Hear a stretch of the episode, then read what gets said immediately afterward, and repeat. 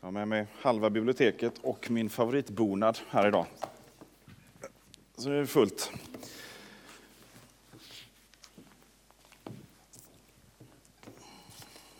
Det är i och för sig också min enda bonad. Eh, men också min favoritbonad. Här har en eh, gammal konfirmandfadder som jag hade på ett konfaläger tryckt upp en god förmåga att teckna och rita och startat ett litet, eh, litet tryckeri. Eh, så bad jag honom trycka upp den här. Det är ett eh, skepp av något slag. Jag är inte sjöman så jag kan inte svara på vad det är för variant. Och så står det Jakob 3.4 längst ner. Det är en påminnelse som hänger på kontoret för mig och som eh, Eh, talar ganska eh, rakt in i det temat som är eh, idag. Betjäna människor i ord. Mitt namn är Karl Skarin och jag jobbar som präst här i EFS-kyrkan. Och som präst här så är ord ett av mina viktigaste, eller kanske mitt viktigaste verktyg i det jobbet. Att använda ord.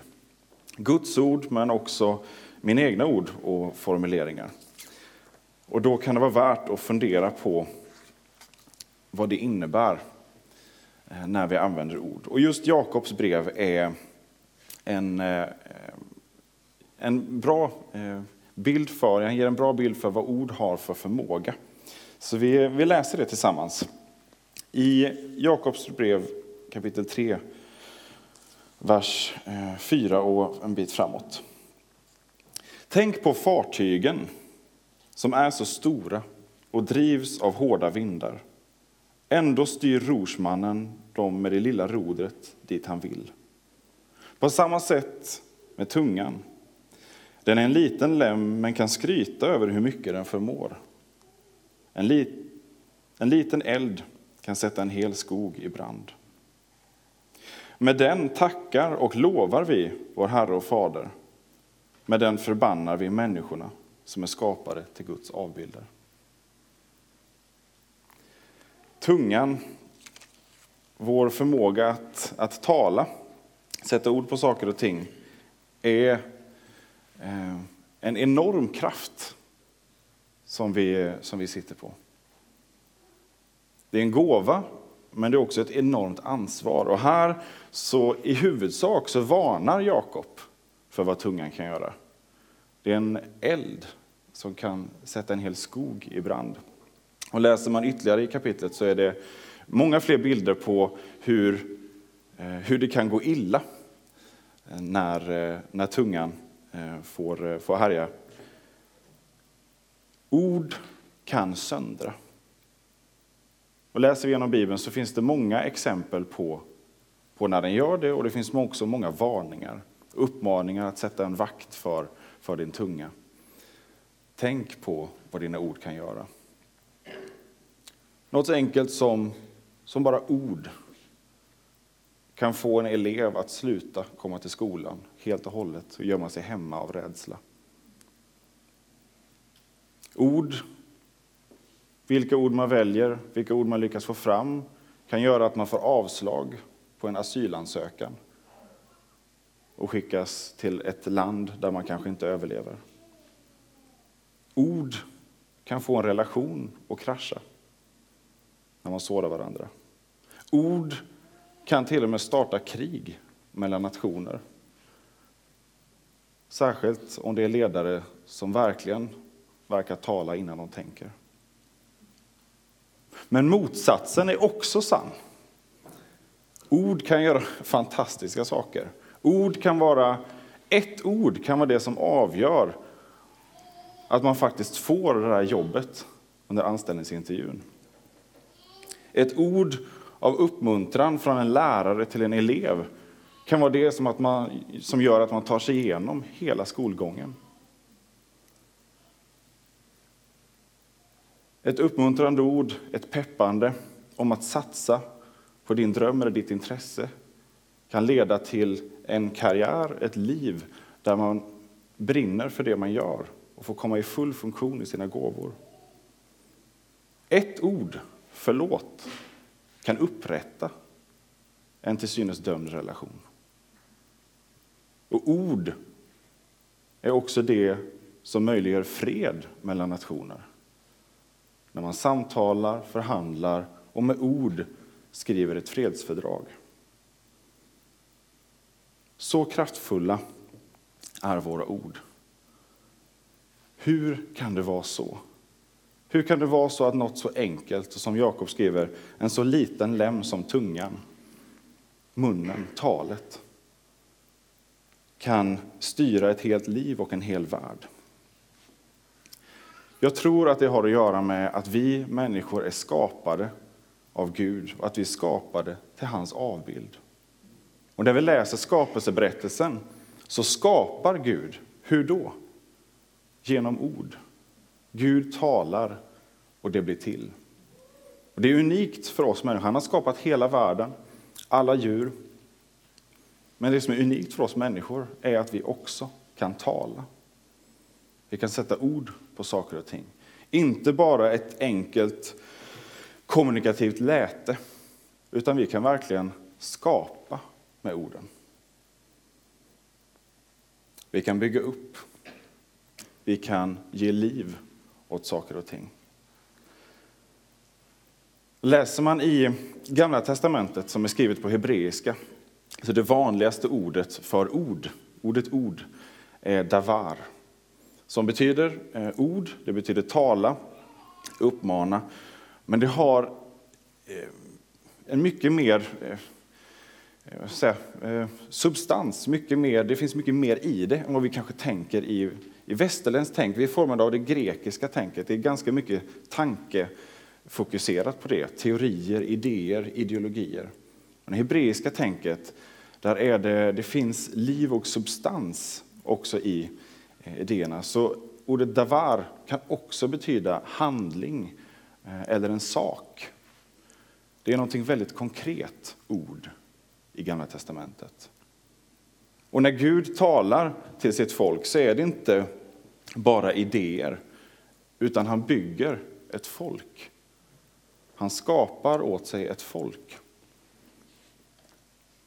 Löftena som Gud ger får också kött. Han lovar att jag kommer att rädda världen. Jag kommer att sända en som ska rädda världen. Messias. Och det är Jesus Kristus. Och vad kallas han? Ordet som blev kött. Det levande ordet. Så när Gud kommer och blir människa, då är det ordet som blir kött. Skapar ordet som nu kommer och skapar nytt liv där livet hade gått förlorat genom synden. Så kraftfullt är ord. Och vi som, som kyrka, vi har sagt i vår vision att vi vill vara en kyrka som återspeglar Guds hjärta. Vi vill alltså vara hans avbild. Och vi vill bära varandra och betjäna människor var helst vi befinner oss varje dag. Och vi kan få betjäna människor genom ord. Motsatsen är också sann. Vi kan, vi kan verkligen ställa till det för människor eh, genom våra ord. Och vi har säkert alla våra egna erfarenheter om när det har blivit på det sättet. Men när Gud får vara med och forma oss och leda oss, när vi får återspegla hans hjärta, då ger det någonting nytt också till våra ord. Då är inte våra ord bara en idé, en beskrivning av Eh, av vad vi tror på. Det är inte en, en, en ideologi. Det är någonting som går att ta på. Någonting som är väldigt konkret. Hur då? Därför att du och jag, vi är Kristi kropp. Och vad har vi att ge människor?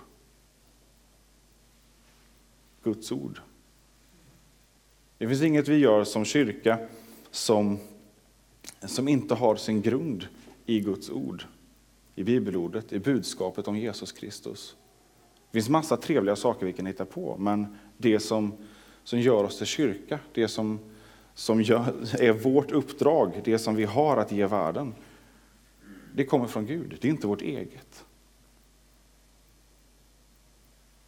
Och vi måste vara beredda på att det är just det det handlar om. Sen kan vi vara goda medmänniskor på alla sätt och vis. Men om vi inte som kyrka ger det som är signifikant, typiskt för kyrkan, vad är det då värt?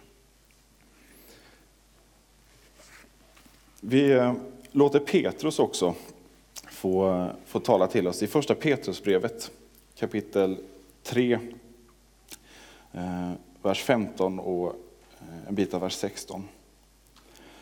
Men Herren Kristus ska ni hålla helig i era hjärtan.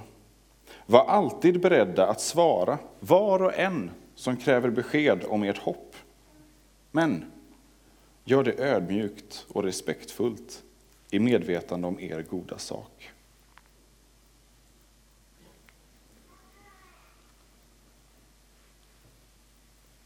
Så det här med att arbeta med ord, det är inte, det är inte mitt jobb bara. Det är en gemensam uppgift som vi har. Att få ge vidare det ord som ger liv till andra människor.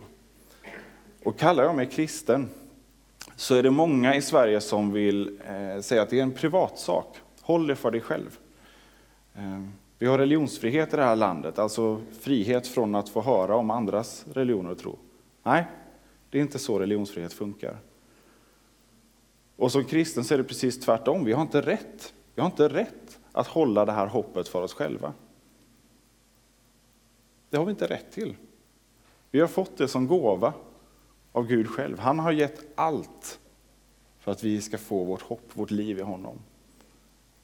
Och som kyrka, som kristna, så är vi kallade att dela det med andra. Vi är kallade att betjäna andra människor med ord, med det glada budskapet. Och vi ska vara beredda på att svara var och en som frågar oss om det hoppet. Då är det bekvämt att inte nämna så mycket om det hoppet, så behöver man inte svara på så mycket frågor. Och ofta så invaggas vi i den, den rädslan, eh, delvis av vårt samhälle men också av eh, vårt, vårt eget, vår egen fega gamla människa. Eh, som bygger upp små illusioner om vad som skulle kunna hända om vi faktiskt förklarar det hoppet vi har. Tänk om det låter konstigt. Tänk om de tror att jag är galen. Jag träffade en, en, eh, en gång i Lund, i en studentstad, och så eh, stod vi och delade ut program för den kristna studentgruppen. Eh, och så, eh, på ett stort evenemang för alla studenter. Och så gav jag programmet till henne och så sa hon, nej jag, eh, jag vill inte ha något med sekter att göra. Ja, då fick man sektstämpeln. Eh, men jag kontrade med, men vi är ingen sekt. Eh, vill du komma på middag hemma i vårt kristna kollektiv? Eh, och så får du, så får du ta ställning till det då. Ja, sa hon. Det kan jag väl göra. Eh, och sen så blev vi goda vänner efter det. Hon har släppt åtminstone sektstämpeln på oss kristna. Men sådana som saker kan, kan skapa hinder för oss. Rädslor för vad, vad folk ska tycka och tänka. Och om det vi har bara är en idé, en ideologi bland andra, ja då, då kanske det kan vara ett hot vad folk tycker och tänker. Men om vi tror att det ord som kyrkan vilar på är en kraft till frälsning för var och en som tror, ja, då spelar det ingen som helst roll vad människor säger, tycker och tänker. För då bär vi på någonting som vi vill att var och en inte bara ska få fråga om, utan få höra och få anledning att fråga om.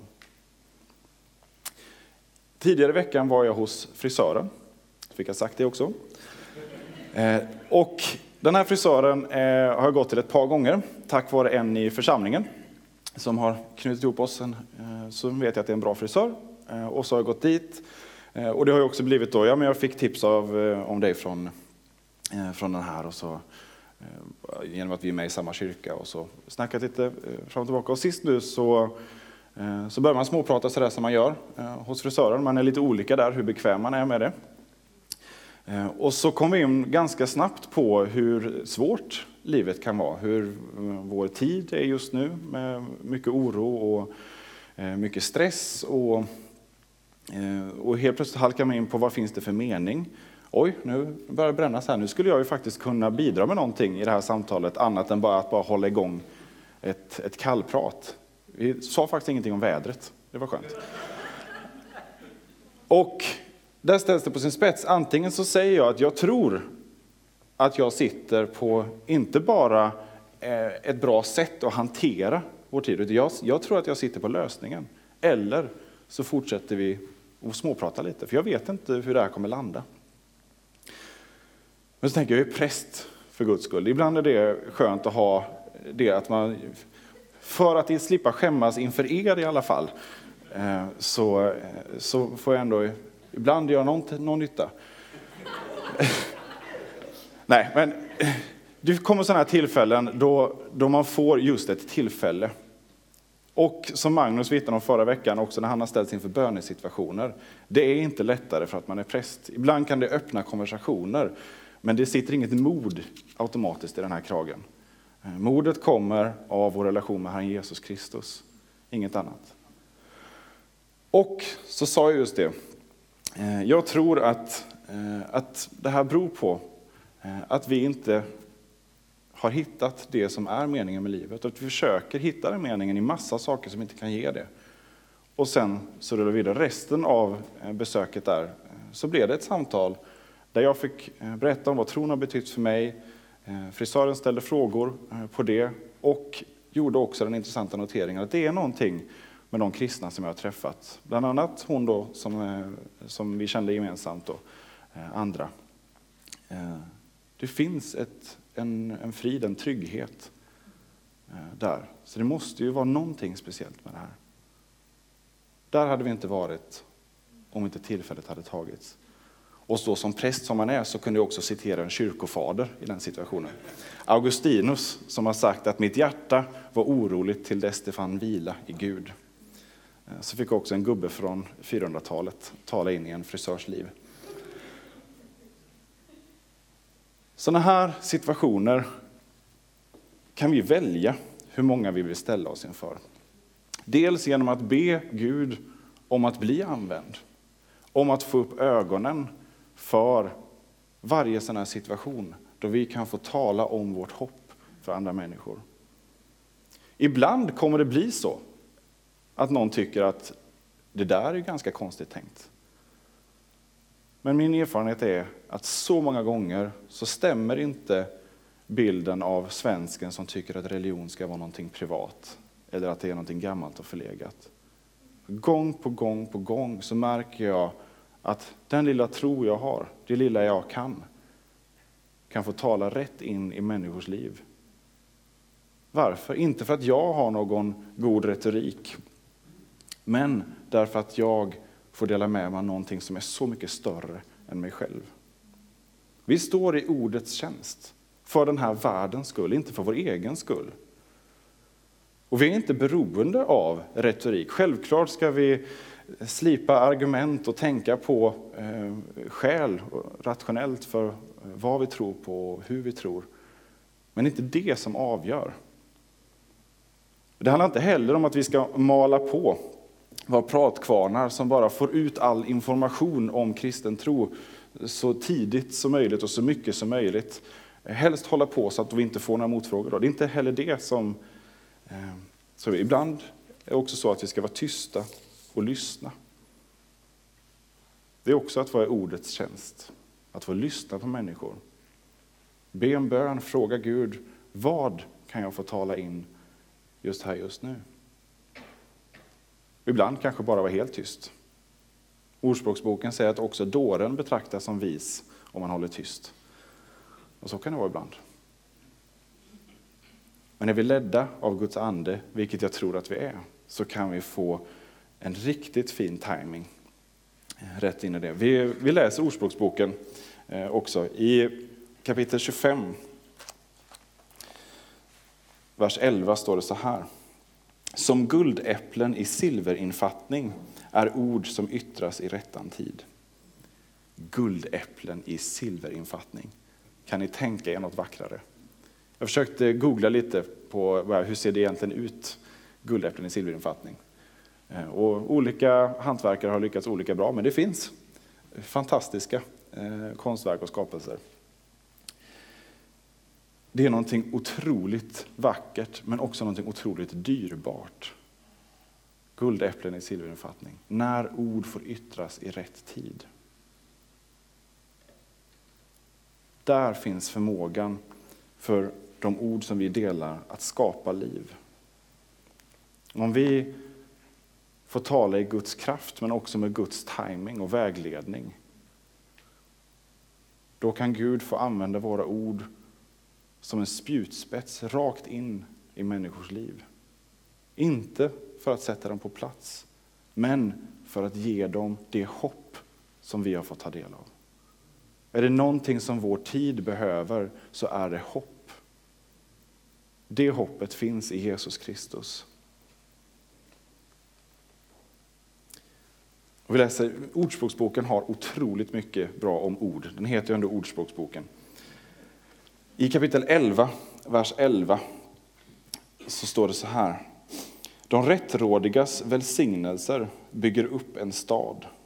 De ondas ord river ner den.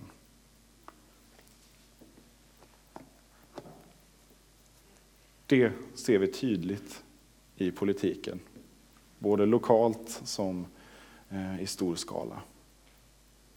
Hur ord hos någon som har eh, som i bästa fall är ogenomtänkt men i värsta fall har en egen agenda, kan rasera en stad, kan rasera ett land. Där har vi möjligheten att istället välsigna med våra ord. Och då är det inte våra ord, utan då är det Guds ord. Det kan förändra, inte bara personer, utan en stad. Om vi ber och uttalar välsignelse över Ängelholm, om vi betjänar Ängelholm med våra ord, så kan det få leda till en förvandlad stad. Det är inte en idé, det är inte en tanke, det är verklighet. Vi ser det genom Bibeln, vi ser det genom hela den kristna historien. Om hur städer och områden blir förvandlade. Därför att kristna ber talar och handlar för att betjäna den platsen de befinner sig på.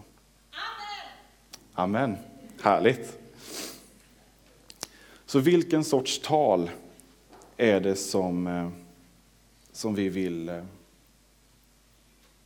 dela med oss av? Vilken sorts tal?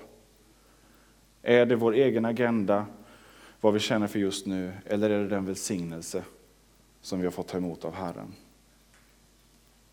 Ska vi välja rätt där så kommer det innebära att vi får agera som profeter i vår tid. Och det är en otacksam uppgift. Det kommer få vara obekvämt tal ibland. Men Jesus säger att ni är världens salt. Salt, helt meningslöst om det står i den här lilla behållaren i kryddskåpet. Eh, jag blir ständigt påminn om det, för jag glömmer att salta. Då fyller den liksom ingen funktion. Eh, jag känner det inte heller i och för sig, men min fru påminner mig om att nu har du glömt saltet. Eh, saltet ska i, i lagom dos i maten, men i saltkaret, där sitter du bara och väntar på att få komma ut. Vi behöver ut i vår omgivning och göra nytta och salta. Och vi kommer se att den som längtar, den som söker, kommer att lyssna. Vi kommer att få möta människa efter människa efter människa där lilla jag, med mitt enkla ord, på ett tafatt sätt ändå får tala hopp in i människor. Vågar vi göra det? Vågar vi dela det vi har? Trotsa en svensk jantelag? En försiktighet? Amen. Tänja gränser? Det kan vi göra därför att vi har ord som inte är våra egna, utan det är Guds ord som skapar liv. Jesus säger det, mina ord är ande och liv. Det är så långt överlägset alla politiska ideologier, filosofier. Det här är liv. Liv som förvandlar, som upprättar. Och möter vi motstånd, känner vi av en trång åsiktskorridor och att vi och naggar politisk korrekthet i kanten, så är det ju bara spännande. Att vi får känna att vi lever lite här uppe i Norden.